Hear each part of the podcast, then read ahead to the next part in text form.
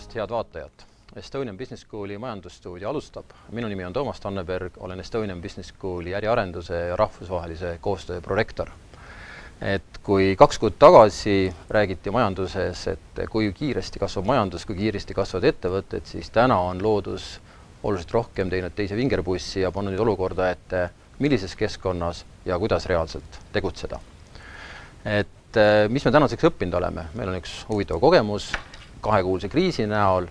teiselt poolt me oleme eri, eriolukorra ka üle elanud ja kolmandaks äh, elurütm hakkab vaikselt nii-öelda ka taastuma, aga milles on veel kaks suurt küsimust, äh, mille me tuleb otsida vastuseid ja koos vastuseid otsida koos ettevõtete ja majandusinimestega,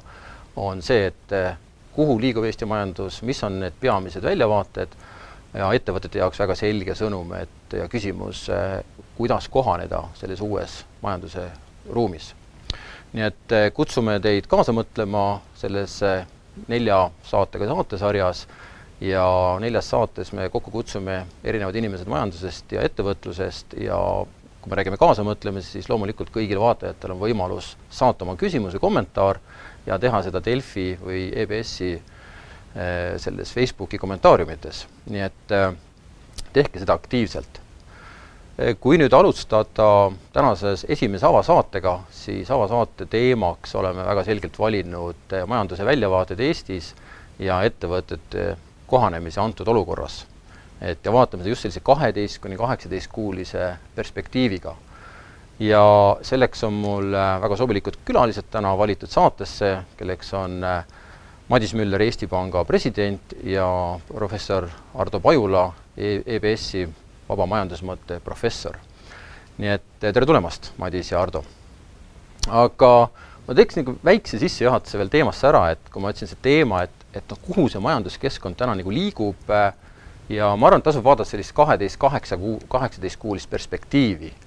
ja kui seda perspektiivi täna väga reaalselt nagu vaatame, siis no minul küll ei ole täna ühtegi sellist kindlat nagu märki, et et mis siis tegelikult reaalselt toimuma hakkab või, või et mis on see nii-öelda raam või, või kus mina kui ettevõtja võiks väga selgelt nii-öelda mõelda, et kuidas ma oma plaane teen, et ümber mängin, et, et mis see tegutsemisruum on, et saada seda kindlust, sest ma tunnen, et täna selline ebakindlus on. et ja noh, siit ongi võib-olla minu selline esimene avaküsimus, et et, et noh, kuhu siis see keskkond liigub ja, ja mis on tegelikult need väljavaated võib-olla ettevõtetele, et ma ei tea, Madis, ma annan sulle kohe üle kõigepealt aitäh kutsuda, kutsumast mind siia äh, stuudiosse ja saatesse. tõesti rõõm olla äh, taas oma vanas ülikoolis äh, sellises uudses formaadis. see küsimus oli muidugi praegu nii lai, et ma arvan, et võikski ühele küsimusele vastates siin proovida saadet täita, aga aga mis, mis puudutab ebakindlust ja seda teadmatust, mis eesseisva osas meil kõigil täna on, see kindlasti on muidugi tavapäratult suur, aga teisalt äh, noh, ma arvan, et on natukene juba lihtsam siin mõelda võrreldes veel äh, näiteks kuutagusega, sest me nüüd teame, et, et vähemalt viiruse levikule on, on piir pandud, me oleme siin Eestis ka saanud äh, eriolukorrast välja. Äh, juba, kui me vaatame ka inimeste käitumist, nüüd enam ei olda nii palju kodus, siin erinevad näited, mida hiljem saab täpsemalt kommenteerida ka, viitavad sellele, kuidas kuidas on ikkagi normaliseerumas siin ka äh, igas mõttes inimeste liikumine ja ja ostlemine ja, ja töötamine. aga, aga selge on see, et paljud ettevõtted on keerulises olukorras, sõltub hästi palju muidugi majandussektorist, et et kes siin on näiteks turismivaldkonnaga seotud, on ilmselt äh, ühelt poolt kõige teravamalt kohe vahetult mõjutatud sellest kriisist olnud ja ka ette vaadates võib-olla see taastumine saab olema aeglasem, et see on väga väga erinev tõesti äh, erinevates majandusharudes. Ardo, sina kui majandusprofessori vaade eelnevaks olukorrale. kaheksateistkümneks kuuks. jah. nojah, mis ma oskan öelda, et ega siin äh, olukord on selgelt äh, ju väga ebakindel, et äh, aga, aga just eile tulin sellele mõttele, et võib-olla natuke teise nurga pealt seda asja vaadata, kui tavaliselt on endal huvitavam ja ka, et ma arvan, et see järjest enam mulle tundub ikkagi, et see põhiprobleem on mitte nii väga epidemioloogiline, vaid äh, see probleemile on lihtsalt, alusprobleemile on praegu lihtsalt valge kitt, kitte selga tõmmatud, et, äh, et ma arvan, et see alusprobleemiks on ikkagi äh, avaliku sektori rahandus. ja, ja ma arvan, et mida reaalselt äh, kardeti seal viimase kolme-nelja kuu, kahe-kolme kuu jooksul või kolme-nelja kuu jooksul, on see, et et tervishoiusüsteem ei pea, ei pea survele vastu. Ja, ja noh, ma arvan, et see suhted avalikkusega ja need sõnumid, mida siis valitsused üle ilma on on liikvele lasknud, on, on sellest äh, imperatiivist või sellest seisukohast äh, lähtunud. et äh,, et ma arvan, et kaheksa te-, äh, et lühike vastus, et, et ei tea muidugi, mis juhtuma hakkab, aga aga kõige olulisem näitaja või, või, või probleem, millele ma tähelepanu pööraks, on just ikkagi riigi rahandus seisva aasta-pooleteise jooksul. minu jaoks on see põhiline teema, mitte, mitte siis äh, äh, ühesõnaga äh, siiani me oleme vaadanud ainult ühte tabelit, et kus seal on, kus on mitu uut surnut ja mitu uut seda, et see, ma arvan, et meie tähelepanu nüüd nihkub äh, igal juhul äh, teistele, teistele tabelitele. jah, äh, ma olen nõus, et ju see, ju see muutub järjest, järjest olulisemaks küsimuseks tõesti, et praegu äh, ühelt poolt on mõistetav, et kui majandus nii järsult on äh, kukkunud praktiliselt kõigis riikides ühe korraga ka, et äh, et valitsused on pidanud äh, võtma väga aktiivse hoiaku, proovinud siin toetada nii palju kui võimalik, no see tervishoiusüsteemi vastupidavuse teema on veel eraldi, eraldi probleem, et vähemalt Eestis me saame öelda, et tervishoiusüsteem pidas vastu, mis on, mis on positiivne. aga mis puudutab ka riigi rahandust meil, noh, meil Eesti Pangaski tavapäraselt meil ikka siin heita heidetudki, et me oleme kogu aeg niivõrd konservatiivsed ja kunagi ei toeta äh, riigi poolt raha laenamist ja, ja siis eelarve puudujääki, siis noh, selles olukorras me oleme samuti öelnud, et et kui me nüüd viimase kümne aasta jooksul otsisime hetke, et millal, millal võiks riik natukene aktiivsem olla, rohkem, rohkem majandust omalt poolt siis toetada, siis tõenäoliselt see nüüd see hetk on. Eks me Eestis oleme äh, õnneks äh, seni olnud piisavalt konservatiivsed, et me ei pea nüüd vahetult muretsema kohe, et kuidas, äh, kuidas siis võlakoormusega riik ja majandus hakkama saavad. aga nii mõneski riigis, eks see,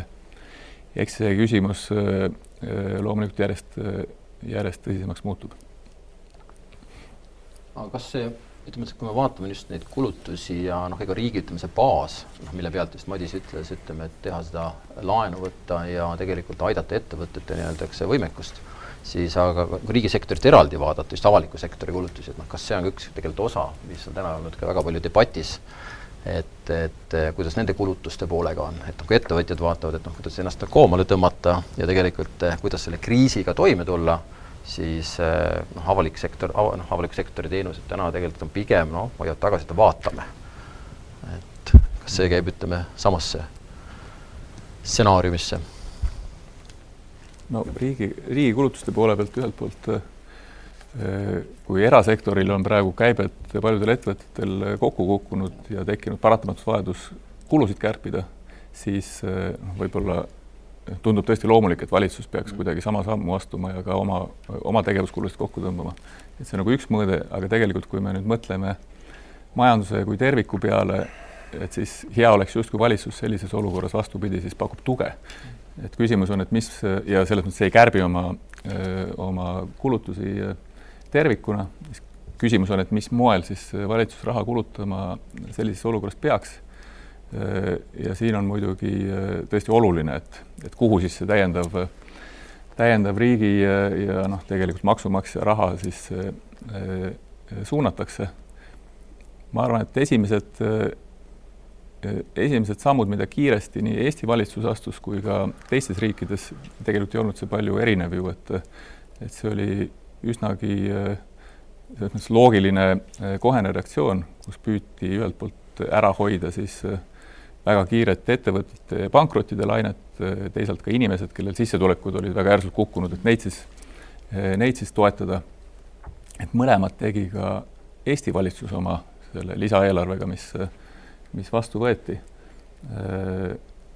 aga eks ma, ma arvan, et me nüüd oleme jõudnud sinna punkti, et ühelt poolt tuleb endale aru anda, et et ei ole võimalik, võimalik see, et kui ma, et kui majanduses nüüd selle kriisi tingimusena piltlikult mingi osa kadus ära, et kõik tõmbusid kokku, et valitsus ei saa meie kõigi senist jõukust üleval hoida sellega, et ta lihtsalt võtab, kasvatab ennast püsivalt ja võtab selle erasektoriga ära kadunud osa enda kanda. Ja niimoodi see lõplikult, niimoodi lõpmatuseni saaks kesta, et see kindlasti nii ei ole nojah, et eks erasektoril on selge, et, igasugu organisatsiooni ja, ja ka pere puhul on see kriitiline hetk saabub siis, kui lihtsalt arveldusarvel raha otsa saab. et see on, noh, paljude inimeste puhul on see juba nii, paljude ettevõtete puhul on see juba nii, et noh, valitsusel on siin muidugi noh, ütleme see jutt ka alguses, mis oli, et me ei kärbi avalikus sektoris, et, et noh, see seda juttu saab ajada nii kaua, kuni arveldusarve, riigi arveldusarvel raha on, eks. ja nüüd, kus on laenu, kus on laenu võetud, noh siis saab selle lihtsalt, seda hetke saab eh, edasi lükata, nii et see ei, olukord ei ole muidugi. ja, ja noh, jällegi, et kui me räägime niisugust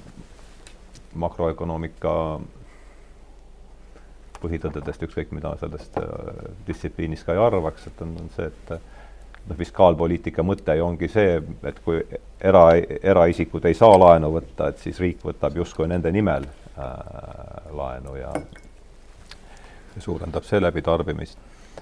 et äh, aga noh, selle, nagu me teame, et need, selle laenu võtmisega on tavaliselt nii, et äh,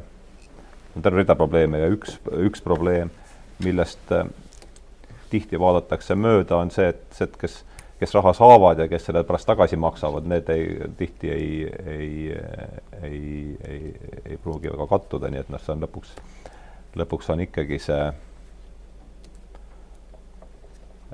et kuidas me ka ei vaataks, me leiame ikkagi lõpuks sellele sellise alusprobleemini, mis on, mis on poliitiline ja mitte, mitte epidemioloogiline, ma arvan, et kuidas äh, kuidas rikkad ja vaesed äh, koos elavad ühes, äh, ühes sootsiumis, et ma arvan, see on, see on see probleem, mis on alates kahe tuhande kaheksandast aastast äh, järjest kasvanud ja ja, ja, ja ma arvan, et selle kriisi selline põhi, kvintessents ongi võib-olla see, et see, see, see probleem tuleb järjest ja järjest teravamalt esile ja, ja olukorra traagilisus võib olla eelkõige selles, et kõik need ravimid, mida alates kahe tuhande, kahe tuhande kaheksandast aastast on rakendatud, on seda alusprobleemi justkui järjest teravdanud mm. -hmm. ka, ka praeguse, ka praeguse siis selle no põhimõtteliselt me oleme kahe, kahe tuhande kaheksanda aasta viimases kriisis kandnud kaasas ikkagi täna probleemi ja või öeldakse, et noh, küsimus, kas diagnoos on vale olnud ja valed ravimid antud või on kõrvalmõjud suured olnud või jah, no ma arvan, et me oleme Eestis veel suhteliselt hästi,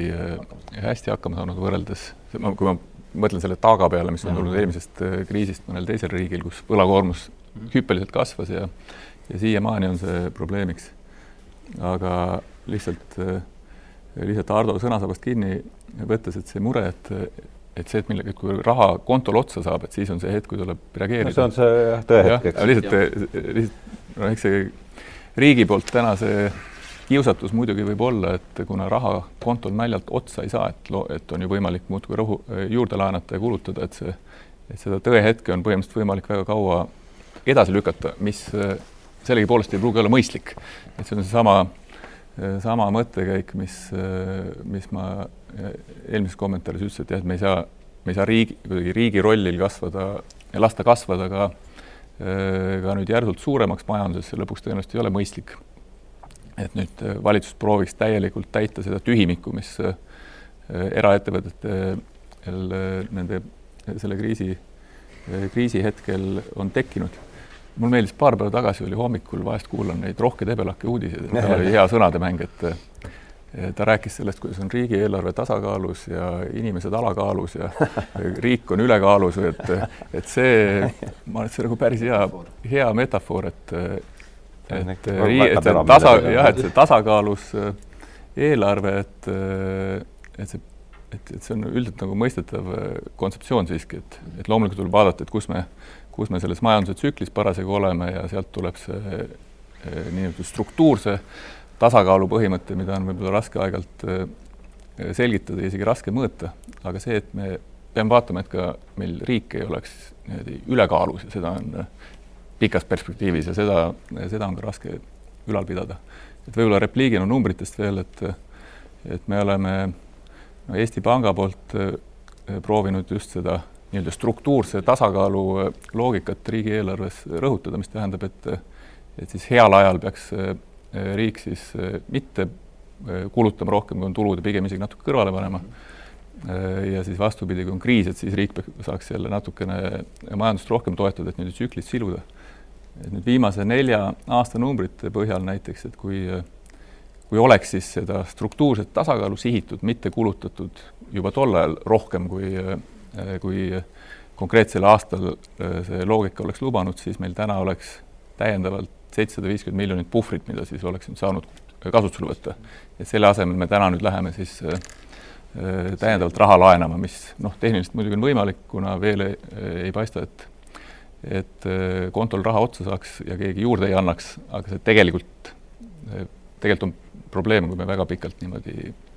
jätkame. kaks tuhat kümme, kaks tuhat üksteist ja näitas osade riikide puhul, seal oligi ikkagi reaalselt raha on kontol otsas ja, ja mis siis edasi saab. aga selle vestluse taustal võib-olla üks asi, et võib-olla jah, see esimene probleem, mida me tegelikult reaalselt võib-olla riik nagu ongi aidanud just nagu lahendada, sedasama leevendada, mida ka tegelikult Euroopa Komisjon oma viimases raportis on nagu toonud, et riikidele anda selline omad soovitused, ühelt poolt nagu leevendada lühia, lühiajalist koroonaviiruse pandeemia ränki ja sotsiaalmajanduslikke tagajärgi, on ju, et noh, sellega me täna oleme toimetanud, aga mulle tundub just ka Madise viimases sellises kontekstis ja mis on, et et heal ajal tegelikult küsimus, kuidas me ehitame omale sellist kas innovatsiooni või neid puhvreid, et tegelikult me nagu raskel ajal nagu toime tuleks, on ju, siis ma, kui niimoodi vaatan neid asju, siis see teine soovitus, et et just keskpikas perspektiivis, mida soovitatakse, on ettevõtetele ri,, riigile eriti, et kuidas toetada sellist innovatsiooni ja, ja digitaalset nii-öelda arengut. nii et, et aga noh, kui ma vaatan juba enne seda viimast kriisi, siis Eesti erasektori innovat-, innovatsioon ja digitaliseerimine noh, ei ole Euroopas nagu väga nagu esirinnas, et avalik sektor on seal esimese noh, nelja-viie hulgas äh, erasektor on alla Euroopa keskmist, noh, minu küsimus see, et, et noh, ega me tegelikult ei ole äkki siis eelneva nii-öelda see enne seda kriisi piisavalt panustanud sellele, et et tagada just selline innovatsioonivõimekus ettevõtetele, et et noh, see on seesama, et noh, see puhver nagu puudub tegelikult, nüüd on küsimus, ettevõtted täna tunnetavad, ka täna öeldakse, et innova-, tee innovatsiooni, noh siis ennem küsimus see, et äkki jääks nagu ellu ennem, et, et noh, ennem on hingamisaparaati vaja, siis on alles hakata vaja nagu mõtlema edasi. et jah see kindlasti täpselt nii ongi, et et aga, aga, aga, kuidas, aga kuidas siis ütleme, täna selles olukorras siis äh, see soovitus, et kuidas seda innovatsiooni ja digitaliseerimist siis täna reaalselt nagu noh, saaks ettevõtete puhul ütleme, et seda võimendada kuidagi? jah, no see ongi, see on ühelt poolt äh, õige, mis sa ütlesid, äh, et kui me vaatame, kuidas Eesti riik ja valitsus on oma digilahendusi siin kasutanud ja me oleme üldiselt eesrinnas jätkuvalt, et siis kui, kui need uuringud on tehtud ka ettevõtete poolt siis äh, digitaliseerimise poole pealt, kui edukad me oleme, et siis me pigem, äh, pigem ei ole nii heas kirjas. loomulikult on palju äh, innovatiivseid edumeelseid ettevõtteid Eestis, aga just, et keskmine ei ole piisav. et kui, et kui nüüd mõelda, et kuidas siis ühelt poolt olukorras, kus valitsus on võtnud ka hoiaku, et me peaksime rohkem, rohkem nüüd panustama sellesse, et Eesti majandus siit august välja aidata ja, ja,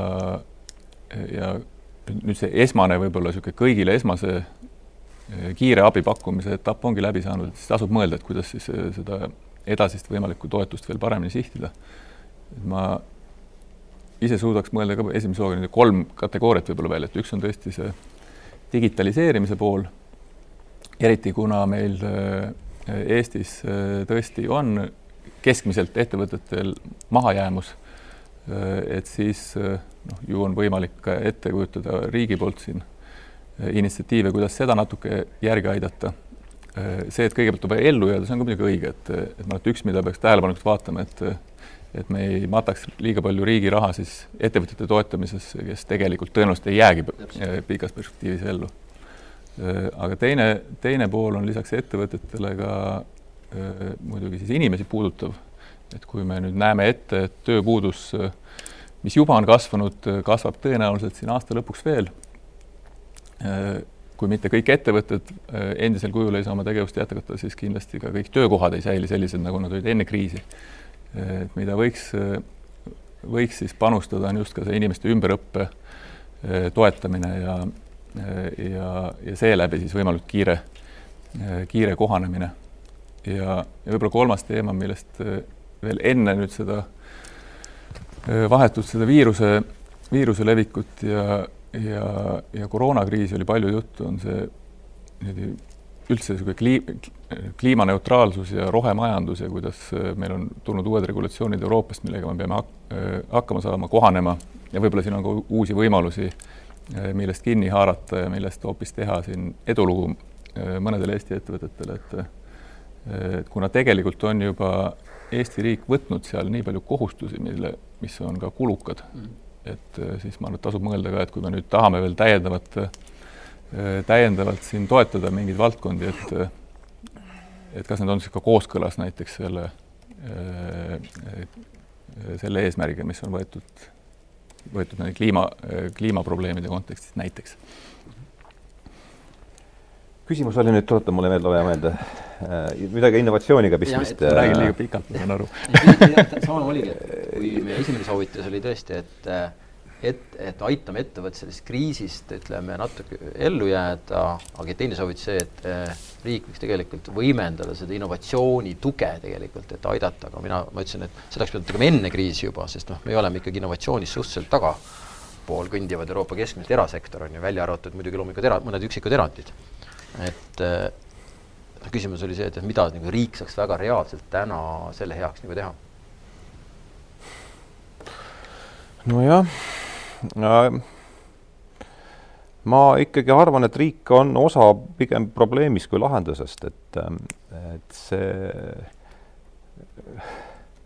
kui ma nüüd jällegi lähen selle, mis minu arvates on äh, alusprobleem äh,, ja see, et mina nii arvan, muidugi ei tähenda, et see on alusprobleem, aga aga mis ma siin ikka muud räägin, kui ma arvan. et ma, ma arvan, et alusprobleemiks on niisugune tohutu bürokratiseerumine, see lihtsalt see süsteem äh, jookseb äh, täie, noh, on ikkagi suure kapakaga oma sellise kinnijooksmise suunas, see väljendub äh, bürokraat, bürokraatia, see on niisugune, kuidas ma ütleksin, noh, sellel jutul võib olla niisugune populistlik maik juures, mida, mis ei ole mu taotlus praegu, aga, aga ma, ma arvan, et selleks juurprobleemiks on jah see, et need bürokraatlikud struktuurid on niivõrd kristalliseerunud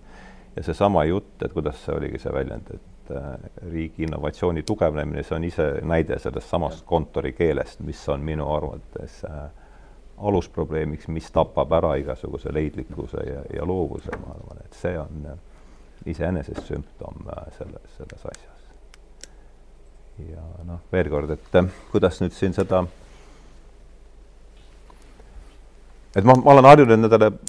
ütleme, eriti viimase kolme-nelja aasta jooksul nendest probleemidest, mida me siin täna käsitleme, ma olen hakanud järjest rohkem vaatama võib-olla nende põhjuste, põhjuste allapoole natuke, et noh, Madis tegeleb sellel päeva oma selle, oma asutusega sellel noh, ja mis on ka absoluutselt vajalik, sest see on see raamistik, milles me praegu tegutseme, aga noh, minu, mu enda huvi on järjest rohkem läinud sinna, et mis on, mis põhjustel me, meil on praegu need probleemid, millele me siin mm. koos üritame vastust leida, et võib-olla ma saan siin olla kuidagi sellele vestlusele natukene jah, ma arvan ka, et mul on lihtsam haakuda, ütleme sellel tasandil. ma arvan, see, mida sina teed, et see on tegelikult ongi tõesti, ma olen lugenud su kommentaare ka, et et võib-olla teisel tasandil vaadata asju, mis on ka vajalik, ma arvan, et see nagu kolmeline toimetamine ka, keegi peab selle ka ära tegema. aga see, mis sa enne ütlesid äh, samuti, et see pinge, mis võib-olla on ühiskonnas, et kuidas vaesemad ja rikkamad ja vähem, rohkem hakkama saavad inimesed üldse siin koos äh, saavad äh, võimalikult hästi eksisteerida ja nii, et kõigil meil oleks kokkuvõttes ühiskonnana hea, et et see nüüd selle kriisi kontekstis just on tegelikult veel tekkimas, vähemalt ajutiselt, mulle tundub veel suurem probleem, kuna kui mõtleme, et kes on kõige rohkem praegu kannatanud viimastel kuudel, need on eelkõige just äh, see on teenindussektor, kes kes ei saa üle ruumi teha asja. jah, et ma, et äh, turism, hotellindus, paljud teised ka kau-, kaubandus, eks ole, äh, ettevõtted, kus äh, ühelt poolt töötab, seal töötab palju noori, keskmine, madalama pigem sissetulekuga inimesed keskmiselt ka pigem, pigem siis on haridustase võib-olla madalam seal nendes ametikohtades, mis on just nüüd kannatanud. Ka naised on rohkem puudutatud, eelmise, eelmise kriisi ajal oli ehitus ja finantssektor, eelkõige ehitus, kus Äh, kus mehed kannatasid rohkem, nüüd on tegelikult no see jõuab, jõuab sinna tõenäoliselt ka veel nüüd alles, ta sinna ehitusse tõenäoliselt jõuab. jah, aga see kuidagi see mõju ühiskonnas on vahetu on, on, on, äh, jah, hästi ki kiire ja erinev ka erinevatele inimestele, et seda kindlasti peab, äh, peab mõtlema, et kuidas siit hästi välja tulla.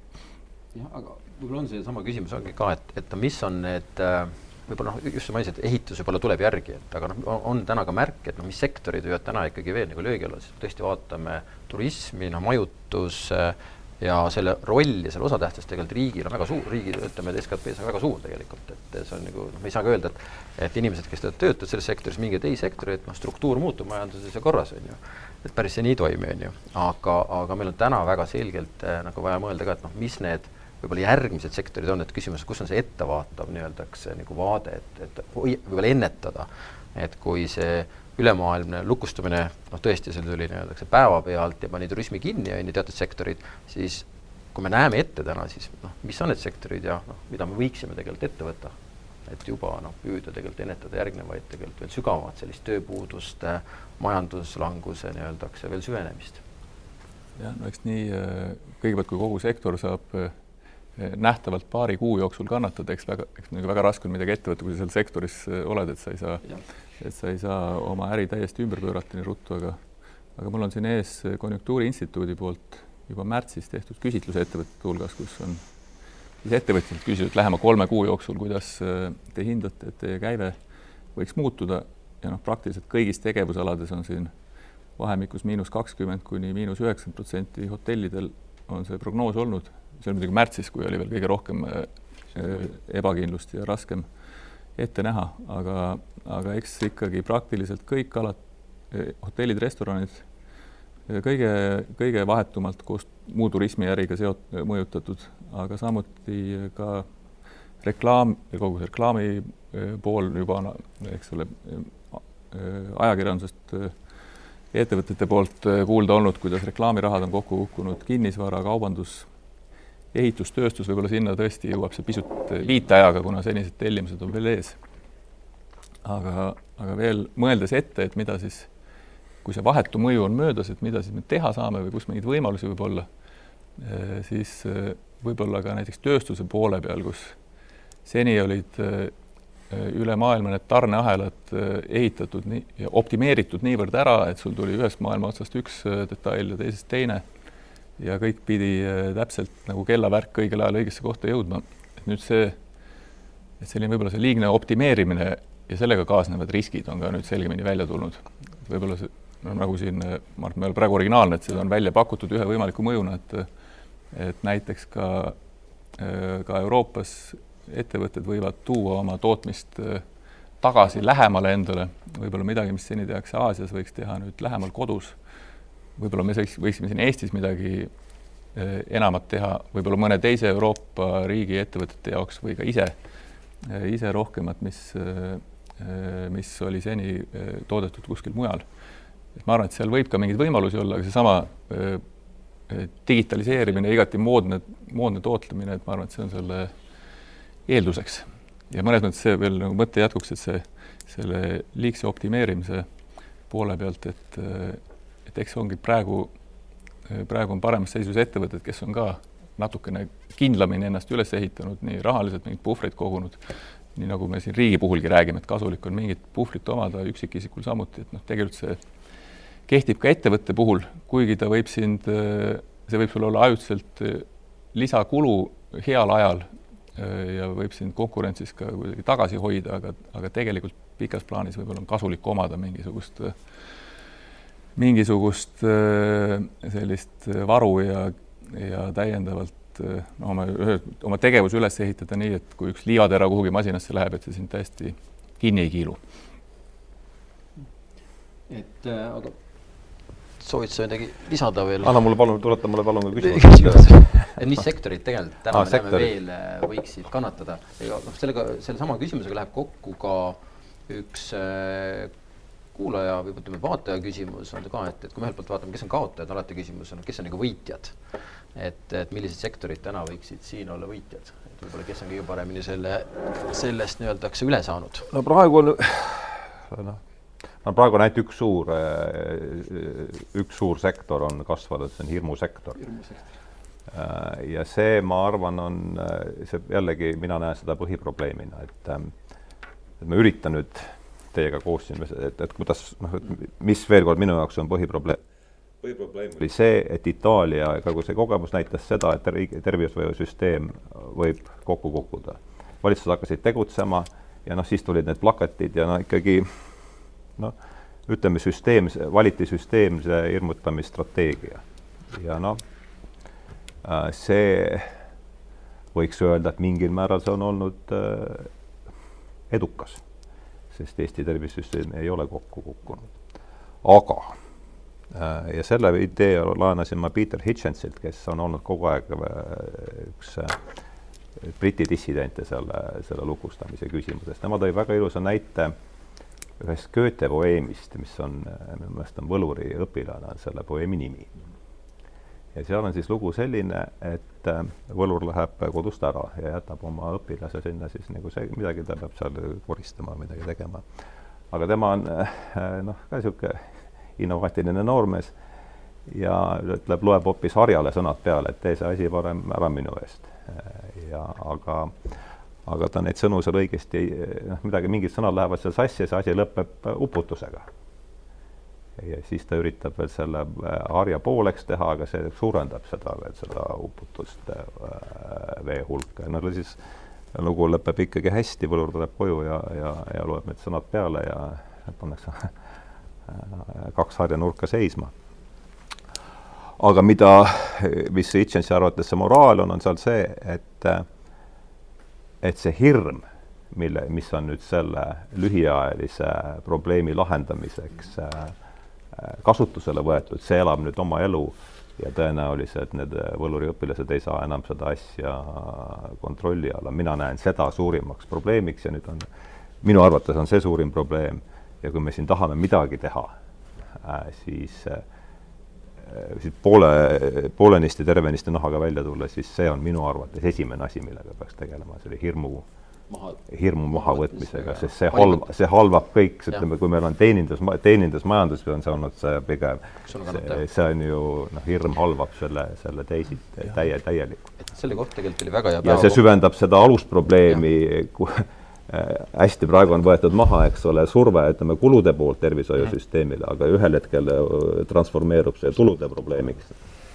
ja mis, äh, noh, et no see hir-, kõigepealt eh, praktilise poole pealt ma arvan, et videokonverentsi eh, pakkujad ja videokõnede äpid on võitnud. Aga no nad on osa sellest hirmu, sellest hirmu. võib-olla on osa hirmusektorist, aga mm. mis hirmu puudutab. Nemad on selgelt hirmusektori jah, sellest võitnud. aga huvitav on ikkagi ka see, et ühelt poolt loomulikult inimesed ja ettevõtted mõlemad on, eh, mõlemad on kas nüüd hirmul, aga väga ebakindlad oma, oma lähituleviku suhtes. aga teisalt, kui sa vaatad ka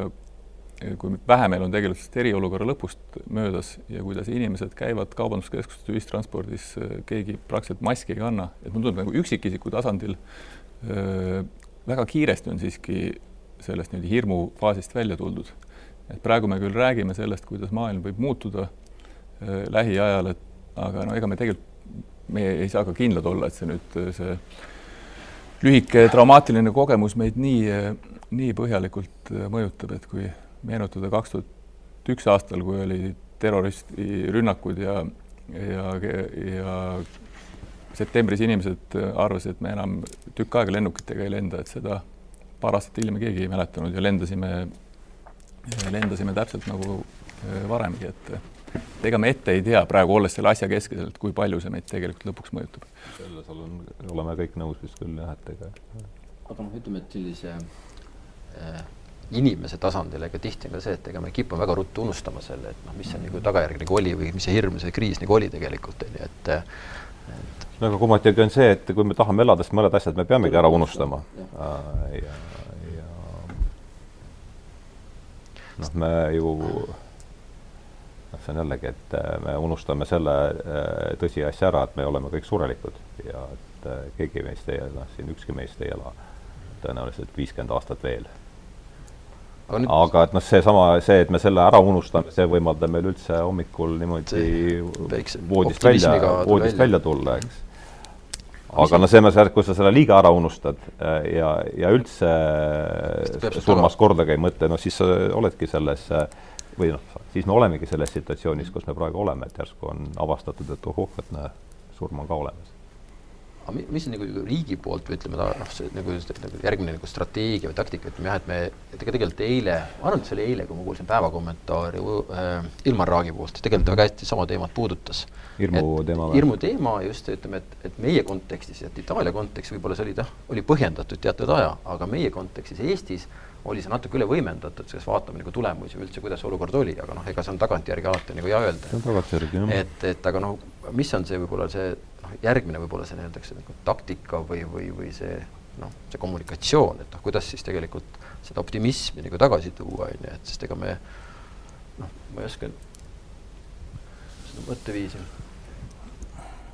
ma arvan, et ei ole mõtet rääkida praegu sellest, kus me oleme juba äh, siit eriolukorrast väljas ja, ja normaalne elu on taastunud, meil ei ole mõtet rääkida sellest, kuidas läheb järjest hullemaks, et loomulikult, kui me vaatame vaatame ka seda makroolukorda Eesti Pangas näiteks ja teeme oma prognoose, et noh, loomulikult see aasta on, saab olema raske ole, raske, aga, aga see loogika ikkagi on ka, et, et see taastumine peaks seejärel tulema, kui taaskord, taaskord on selline tavapärane majandustegevus võimalik ja ettevõtted, kes on uksed sulgenud, jälle saavad tegutsema hakata ja inimesed jälle tööle. et see ei pruugi see ei pruugi nii niimoodi üleöö ja järsku kõik äh, me tagasi jõuda senisesse olukorda, aga aga vähemalt on äh, seekord nagu hästi aru saada, et millest see kriis alguse sai ja on ka hästi aru saada, et kui me sellest viiruse puhangust oleme üle saanud ja on võimalik äh, tavapärase tegevusega jätkata, siis on ka täiesti loogiline, et peaks toimuma mingisugune taastumine. et kas või eelmise, eelmise kriisi ajal see majanduse kukkumine ja kogu see kindlustunde kukkumine, see ikkagi palju kauem võttis aega ja siis ka äh, taastumine võttis, Eestis oli ta päris kiire, aga ikkagi äh, ikkagi ma arvan, suhteliselt kauem aega, kui oleks loogiline eeldada, et ta äh, seekord võtab. ühesõnaga, kui me oleme siit, siit piirangute maailmast välja saanud, ma arvan, et ei ole mõtet, mõtet sisendada tohutut pessimismi ja ja, ja need negatiivsed väljavaadet, sest see, noh, see lõpuks hoiab meid endid ka tagasi, et äh, ettevõtted ei julge investeerida, inimesed ei julge osta. see oli ka see Euroopa Komisjoni soovitus tegelikult, et, et äh, aidata võimendada just seda arengut nagu edasi, et mm, -hmm. et mitte see, et noh, kuidas me nagu ainult ellu jääme, vaid tegelikult noh, kuskil on areng, väga selgelt potentsiaal on nagu olemas ja, ja, ja noh, nüüd on küsimus see, et kui jah, ütleme, et sellise häda, hädaolukorral oli meil KredEx, noh näiteks oli tegelikult üks selline puhverorganisatsioon, on ju, nüüd küsimus see, et noh, kes on need riigi teised organisatsioonid, kes tegelikult suudaksid väga selgelt nagu aidata just sellist äh, innovatsioonivõimekust luua, julgustada nagu ettevõtteid, et no ma ei tea, EAS ja nii edasi, aga jah, et see, see optimism, noh, eks ta peab niisugune nii-öelda kollektiivne, kollektiivselt olemas olema, et võib-olla kui ma võtan nagu erasektori näidet, on ju, võib-olla noh, liigume tagasi, Bolt on olnud meil ka nagu kriisi keskmes kogu aeg, ütleme, et Eesti, Eesti nii-öelda üks, üks enam kui miljard dollari väärtusega iduettevõte, siis, siis huvitav on see, et noh, nemad ütlesid, et me ei lähe nagu inimestega, ütleme, et see ekspertiis, mis seal on ja need inimesed, me hoiame neid, on ju, et me püüame nüüd kollektiivselt vaadata, et noh, kuidas tõesti noh, hing kinni, kui raske, aga me ühiselt tegutseme, me, me, me nii-öelda, eks ei koonda ja, ja täna nagu nad said lisarahastuse, on ju, noh, küsimus, miks nad said selle, on ju et nad ei ole selline lootusetu, nagu öeldud, vahel startup, et noh, kaua elab ja varsti läheb nagu kasv möödub, aga Bolt on täna näidanud järelikult ikka nende ärimudel, nende kasvupotentsiaal peab olema ikka väga hea ja noh, piisavalt usutav. et eh, kui ma ei eksi, oli siis sada miljonit eh, tuli täna raha juurde ja no kuhu see läheb, kohe kasvu. et, eh, et selles mõttes on, on selline niisugune nagu kollektiivselt ettevõtte selline arusaam ja, ja julgustus sisemiselt nagu hästi niisugune kultuuriline, innovatsioonikultuuriline näide võib-olla. et, et aga noh, neid ei ole palju ettevõtteid selliseid. no eks see, ikka see kipub nii olema, et, et kriisid pakuvad ka mingeid võimalusi ettevõtetele, kes suudavad sealt tugevamana välja, välja tulla olukorras, kui konkurendid satuvad raskustesse. ma arvan, et riigi poole pealt ka, eks need need ju erinevad asutused, mille läbi hästi sihitult proovida toetada veel majanduse niimoodi hakkamasaamist ja sellest kriisist väljumist, et need on põhimõtteliselt olemas, et tuleks lihtsalt hästi sihtida, et meil, kuhu nüüd tõesti on mõtet, mõtet seda riigi rahaga veel, veel toetust pakkuda ja, ja et see bürokraatia, millest Ardo räägib, et see nagu päris ära ei tapaks kõike. Nojah, viimast korda ma, mina mõtlesin läbi selle süsteemi niimoodi ütleme põhjalikult enda jaoks, kui ma kirjutasin seda, kui ma kirjutasin äh, inimest seda majanduslikku, mis ta mul oli, majanduslik inimene, poliitiline loom, jah. et noh, see oli viimane aeg, kus ma nagu suure ja noh, siis mul saigi see läbi kirjutatud ja ja huvid nihkusid mujal, aga, aga kui ma nüüd vaatan tagantjärele, mis selles äh, konspektis oli olulist, siis seesama Äh, alapeatükk Totaalne sõda surmaga on see, äh, mille noh, mille tagajärgi me siin praegu üle elame, sest kui meditsiinisüsteemis enamik, kui me vaatame inimese tervishoiukulutusi läbi, läbi, läbi aja, siis suurem osa sellest tehakse viimasel eluaastal. selleks, et seda noh, seal lihakantsakat siis elektri ja, ja, ja keemiaga ja millegagi veel niimoodi äh, kuidagi hoida, noh, et hoida ära seda, mis niikuinii on tulemas ja ja noh, nii palju raha ei olegi maailmas, et see probleem oleks äh, lahendatav, et me noh, me ei saa. Ja seetõttu ma arvan, me olemegi selles situatsioonis ja see situatsioon on, on ikkagi see, et, et ma arvan, et see meie riigieelarvete all haigutab selline suur põhjatu süvik ja see hirm paljusti on kantud minu arust sellest, et me osa seltskonnast saab aru, et see jää, mis meid selles kuristikus lahutab, on tegelikult äh, õhuke ja, ja, ja sulav. ütleks noh, jällegi äh, see on see, kuidas mina saan asjast aru, et jälle veel kord rõhutan, et see ei pruugi, seal ei pruugi tegelikkus, minu arusaamise tegelikkuse vahel ei pruugi olla sugugi üks-ühene seos, aga aga mis mul ikka rääkida. Hardo väga süngetest toonidest, kõike seda. ei noh, mis üldiselt tervishoiusüsteem ilmselt on tõesti üks valdkond, kus äh, nõudlus rohkem,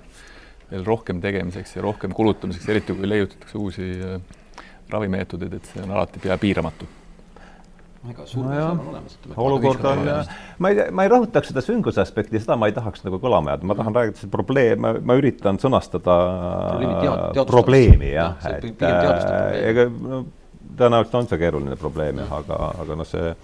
ja ma ei arva üldse, et see on lahendatav valitsuse tasandil, see on iga isik, iga inimese isiklik probleem, kuidas ta selle noh, ja kui me seda igaüks või suurem osa inimestest seda enda sees ära ei lahenda, no siis ei ole ka noh, valitsusel mingit, mingit šanssi, et ma arvan, et see on ikkagi laiemas mõttes kogu meie kultuuri, et kogu meie kultuur, ma arvan, seisab vastamisi sellise eksistentsiaalse äh, probleemiga. on see sünge, tõenäoliselt küll. Ma ei vaata seda ise nii, selles mõttes, et äh, aga oma sündluse element on selles kahtlemata olemas, et tundub, et äh, näosaade on selleks korraks lõppenud, et äh,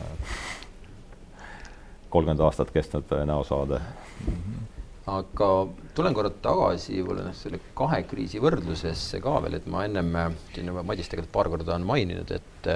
kui eelmine oli rohkem, rääkisime sellist finants nii-öelda kriisist ja no raha poole pealt on ju, siis täna me vaatame seda läbi nii-öeldakse tervise ja selle poole pealt, et, et noh, mis, mis on need need erinevused täna, nende erinevuste mõju veel, kui me nii-öeldaks vaatame, et, et üks, üks, mis on meil ühes noh, kohe sektori äh, alaliidus termin, mitte termin, aga rääkinud, et et ega tegelikult raha tänases öeldakse maailmas kapitali on selline küsimus, et noh, mida see nagu tähendab, et kas pankrotti tuleb vähem, rohkem on ülevõtmisi, et noh, need on ka sellised nagu teemad äh, noh, kuidas ettevõtted peaksid selles, noh, selle kriisi mõjudega või selle, selle kriisi teistmoodi teguritega nii-öelda, ettevaatlikud olema mm? -hmm. No et e, proovides võrrelda seda, seda kriisi ja, ja kümmekond aastat tagasi, mis oli siis e, no ühelt poolt tõesti see justkui nagu majanduse väliselt meile praegu see ja. probleem alguse saanud, hoopis tervise, tervisega seonduv,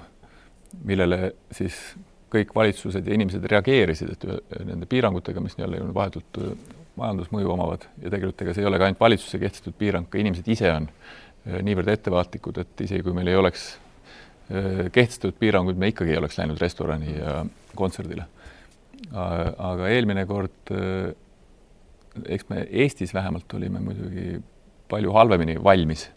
selles mõttes, et kui me vaatame, vaatame kogu sellist riigi, riigi ja majanduse olukorda, et tol hetkel Eesti oli hästi sõltuv väljaspoolt meile peale siis pakutava läbi siis eelkõige pangandussüsteemi välis, välise rahastamise, seekord see ei ole tegelikult täna olukord. samuti kinnis, me oleme ta, väga tasakaalust väljas ka oma pangandussektori kinnisvaraturuga. et see, ettevõtetel oli palju vähem puhvreid, kui me vaatame keskmist ettevõtete, ettevõtte bilanssi. riigil ei olnud võimalik sellisel moel turult raha laenata ja, ja, ja minna siis suurde puudujääki ka riigieelarvega, kuna kõik pingutasid, et saaks, saaks euroalasse ja sealt tuleks meile täiendavat eh, turvatunnet. et nüüd eh, palju asju on selles mõttes tõesti eh, paremini, aga see, et mida see siis lõpuks ettevõtete tasandil tähendab või et kas on rohkem või vähem pankrotte, ju on tõesti lihtsam saada ka siis täiendavat, täiendavat rahastust ettevõtetel, noh, keskpankadeni tänagi, eks me oleme pingutanud selle nimel, et oleks, oleks laenutingimused äh, jätkuvalt äh, soodsad majanduses ka ju, ka täna, kui riskid on, äh, riskid on kõrgemad. aga no ikka see, see võib tähendada siiski muidugi pankrotte, aga, aga võib-olla olulisem on see, et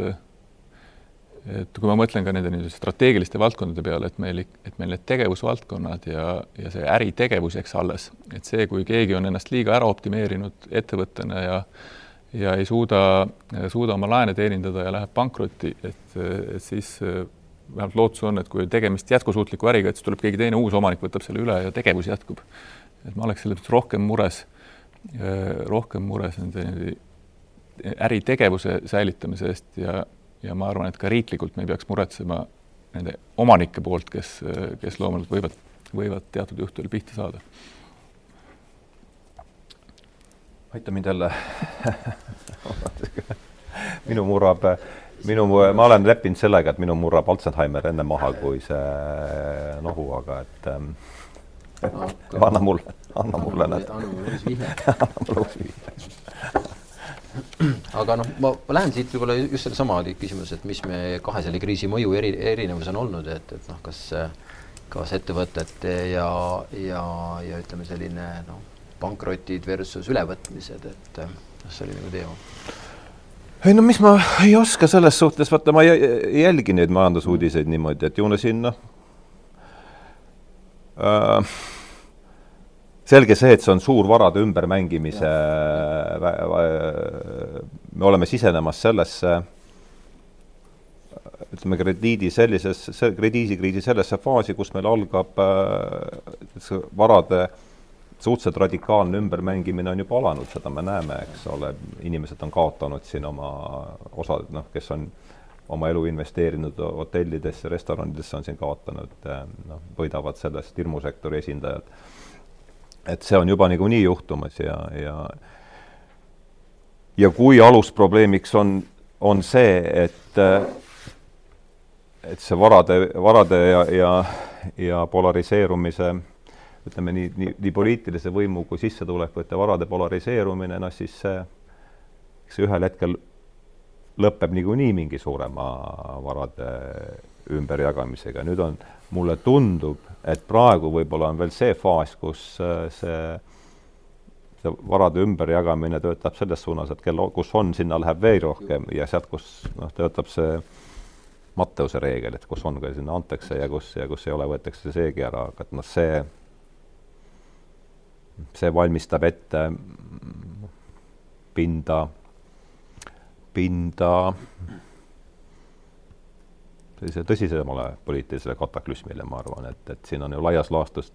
on kaks lahendust, et kas on siis inflatsioon, millega see toimub, või, või siis midagi sellist, midagi revolutsioonilaadset, ega siin, noh, kui me vaatame, see oli see järeldus, mille ma, millele ma jõudsin. ja see muidugi on see, et kui me räägi-, ma olen sellest palju rääkinud, et tundub nagu piinlik sellest, aga et noh, jälle üle seda jahvatada, aga et vaata, Madis, see Excel-Oliini teoreem, eks, et et kui rikas, rikas maa ja vaene maa hakkavad omavahel kauplema, et siis sellest võidavad rikka maa rikkad ja vaese maa vaesed, mis on Eestis, on sisuliselt, eks, kus me oleme ikkagi üleilmastumise tingimustes, võime ennast pigem võtta nagu vaese maa hulka. Et meil ei ole see probleem kaugeltki olnud nii, nii terav, see rikaste ja vaeste vastandumine, sest meie töölisklassil on võimalik olla, käia Soomes, Rootsis tööl, kõik see on pigem äh, seda noh, polariseerumist äh, vähendanud, aga ütleme, see noh, metropolides, Ühendriikides on, seal on see, seal on see reaalne probleem, äh, kus ja, ja no ma arvan, ma, ma arvangi, et, et see on see, kus lööb ikkagi kaane kõigepealt pealt ära millel on siis muidugi suured noh, tagajärjed äh, laiemal globaalsel skaalal. ma keskpankurina pean ainult repliigi korras ütlema, et kui sa näed suurt eh, inflatsiooniohtu, et siis ei, seda, seda, seda, eh, seda tege- ja tõsiselt ka, et, et lähi, vähemalt eh, siin lähiaja pigem ikkagi ettekujutus on, et nii nagu tavaliselt sellise majandusaktiivsuse languse ja majandus, majanduses pigem kehvade aegade puhul ikkagi inflatsioon läheb pigem veel madalamaks meil.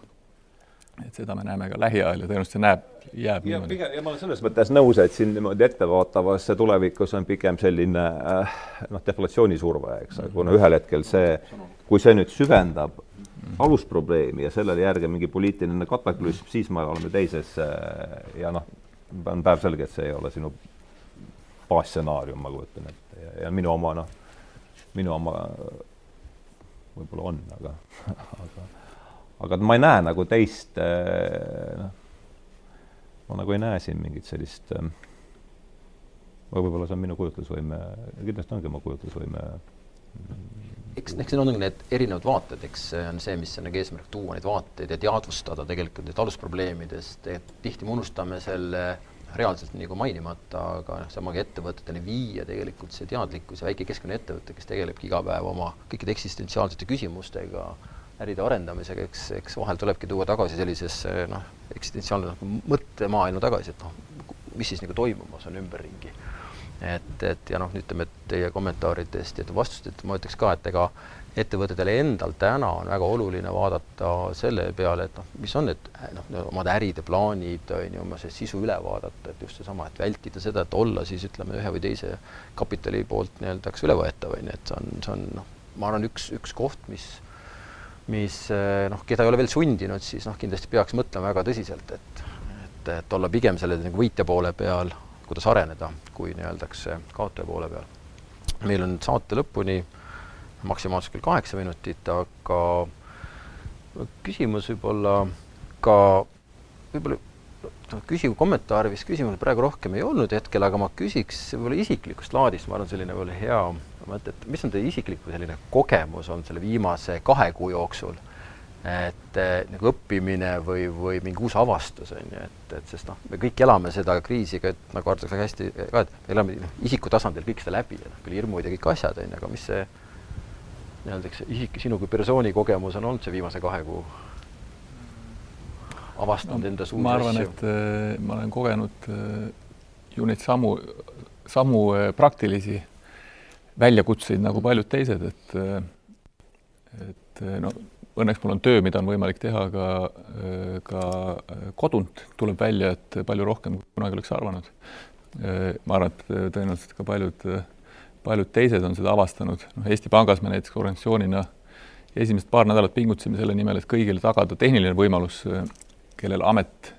funktsiooni mõttes seda lubab, et saaks tõesti võimalikult palju kontorist äh, eemal ka oma ülesandeid täita.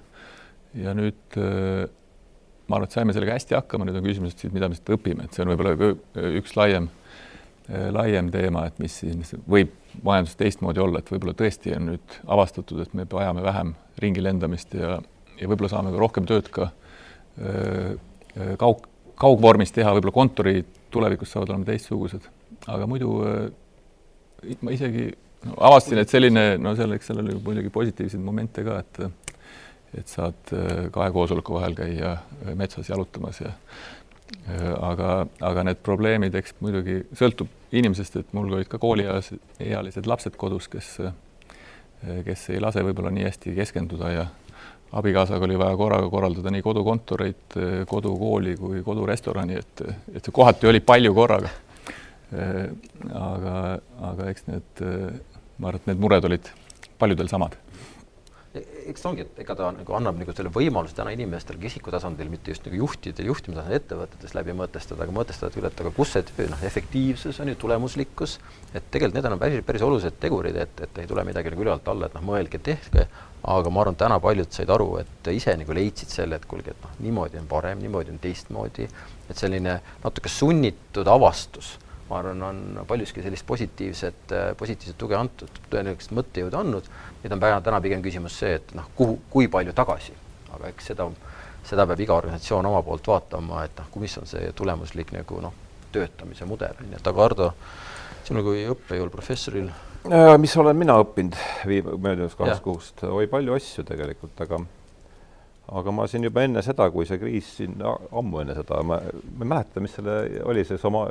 südi Somaalia proua, kes tuli sealt äh,